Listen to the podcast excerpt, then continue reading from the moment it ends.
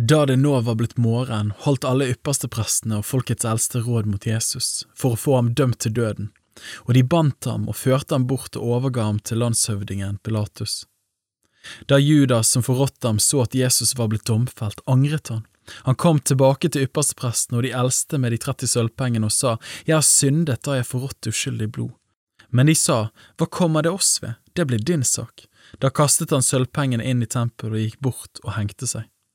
Men yppersteprestene tok sølvpengene og sa, det er ikke tillatt å legge dem i tempelkisten, for det er blodpenger. De rådslo da med hverandre og kjøpte så pottemakerens åker for pengene til gravsted for fremmede. Derfor blir denne marken kalt Blodåkeren den dag i dag. Da ble det oppfylt som var talt ved profeten Jeremia, som sier, og de tok de 30 sølvpengene, den verdsattes verdi, ham som Israels barn lot verdsette, og de ga dem for pottemakerens åker, slik Herren hadde påbudt meg. Men Jesus ble stilt fram for landshøvdingen, og landshøvdingen spurte ham, Er du jødenes konge?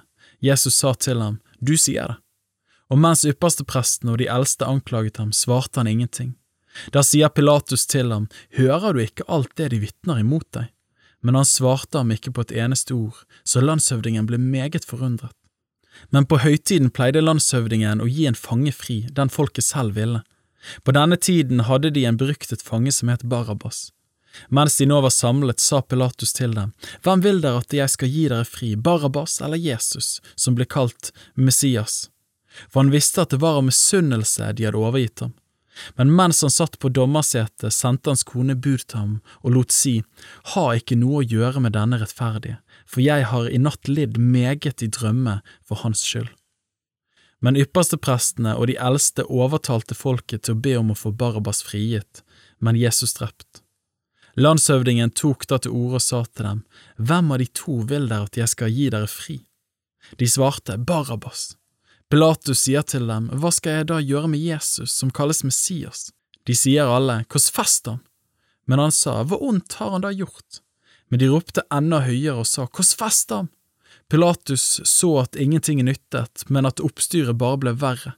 Han tok da vann og toet sine hender mens folket så på og sa, Jeg er uskyldig i denne rettferdige manns blod, dette får dere svare for. Og hele flokken svarte og sa, Hans blod komme over oss og over våre barn. Da ga han dem Barabas fri, men lot Jesus hudstryke og overga ham til å korsfestes. Da tok landshøvdingens soldater Jesus med seg inn i borgen, og samlet hele vaktstyrken om ham. De kledde av ham og la en skarlagenrød kappe om ham. Og de flettet en krone av torner og satte på hodet hans, og ga ham en rørstav i høyre hånd.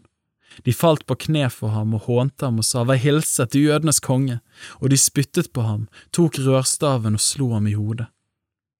Etter at de slik hadde hånet ham, tok de kappen av ham og kledde ham i hans egne klær, og de førte ham bort for å korsfeste ham. Mens de var på vei ut, møtte de en mann fra Kyrene som het Simon. Ham tvang de til å bære korset hans, og de kom til et sted som kalles Golgata, det betyr hodeskallested. De ga ham da vin blandet med galle, men da han hadde smakt det, ville han ikke drikke. Da de hadde korsfestet ham, delte de klærne hans mellom seg ved loddkastning og de satte der og holdt vakt over ham. Over hodet hans hadde de festet en innskrift med klagemålet mot ham, Dette er Jesus, jødenes konge. Da ble to røvere korsfestet sammen med ham, en på høyre side og en på venstre. De som gikk forbi spottet ham, ristet på hodet og sa, Du som river ned tempelet og bygger det opp igjen på tre dager, frels deg selv, er du Guds sønn, da stig ned av korset. På samme måte spottet også ypperstepresten ham, sammen med de skriftlærde og de eldste, og sa, Andre har han frelst, seg selv kan han ikke frelse.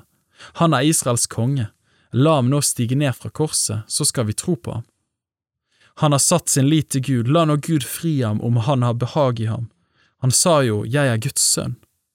Også røverne som var korsfestet sammen med ham, hånte ham på samme måte. Men fra den sjette time falt et mørke over hele landet, like til den niende time. Og ved den niende time ropte Jesus med høy røst, Eli, Eli, lama sabachthani, det betyr Min Gud, min Gud, hvorfor har du forlatt meg? Da noen av dem som sto der hørte det, sa de, Han roper på Elia, og straks løp en av dem til, tok en svamp og fylte den med vineddik. Han satte den på en rørstav og tilbød ham å drikke. Men de andre sa, Vent, la oss se om Elia kommer for frelsom!» Men Jesus ropte igjen med høy røst og oppga ånden.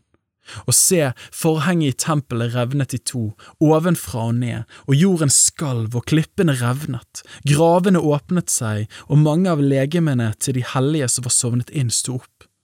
Etter Jesu oppstandelse gikk de ut av gravene og kom inn i den hellige by og viste seg for mange. Men da høvedsmannen og de som holdt vakt over Jesus sammen med ham, så jordskjelvet og det som skjedde, ble de grepet av redsel og sa, i sannhet, dette var Guds sønn.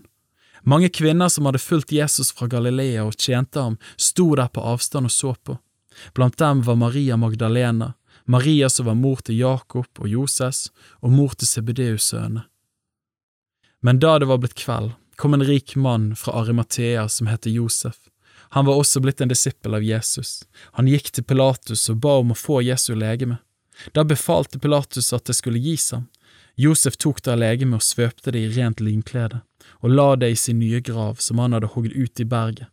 Så rullet han en stor stein for inngangen til graven og gikk bort. Men Maria Magdalena og den andre Maria var der og satt rett imot graven. Neste dag, som var dagen etter forberedelsesdagen, samlet de ypperste prestene og fariseerne seg hos Pilatus. De sa, Herre, vi kom til å minnes hva denne forføreren sa da han ennå levde. Etter tre dager blir jeg reist opp. Gi derfor påbud om at det skal holdes vakt ved graven til den tredje dagen, så ikke disiplene hans skal komme og stjele ham, og så si til folket, han er reist opp fra de døde. Der ville den siste forførelsen bli verre enn den første. Pilatus sa til dem, Her har dere vaktmannskap, gå bort og vokt graven som best dere kan. De gikk da og sikret graven ved å forsegle steinen og sette ut vakter.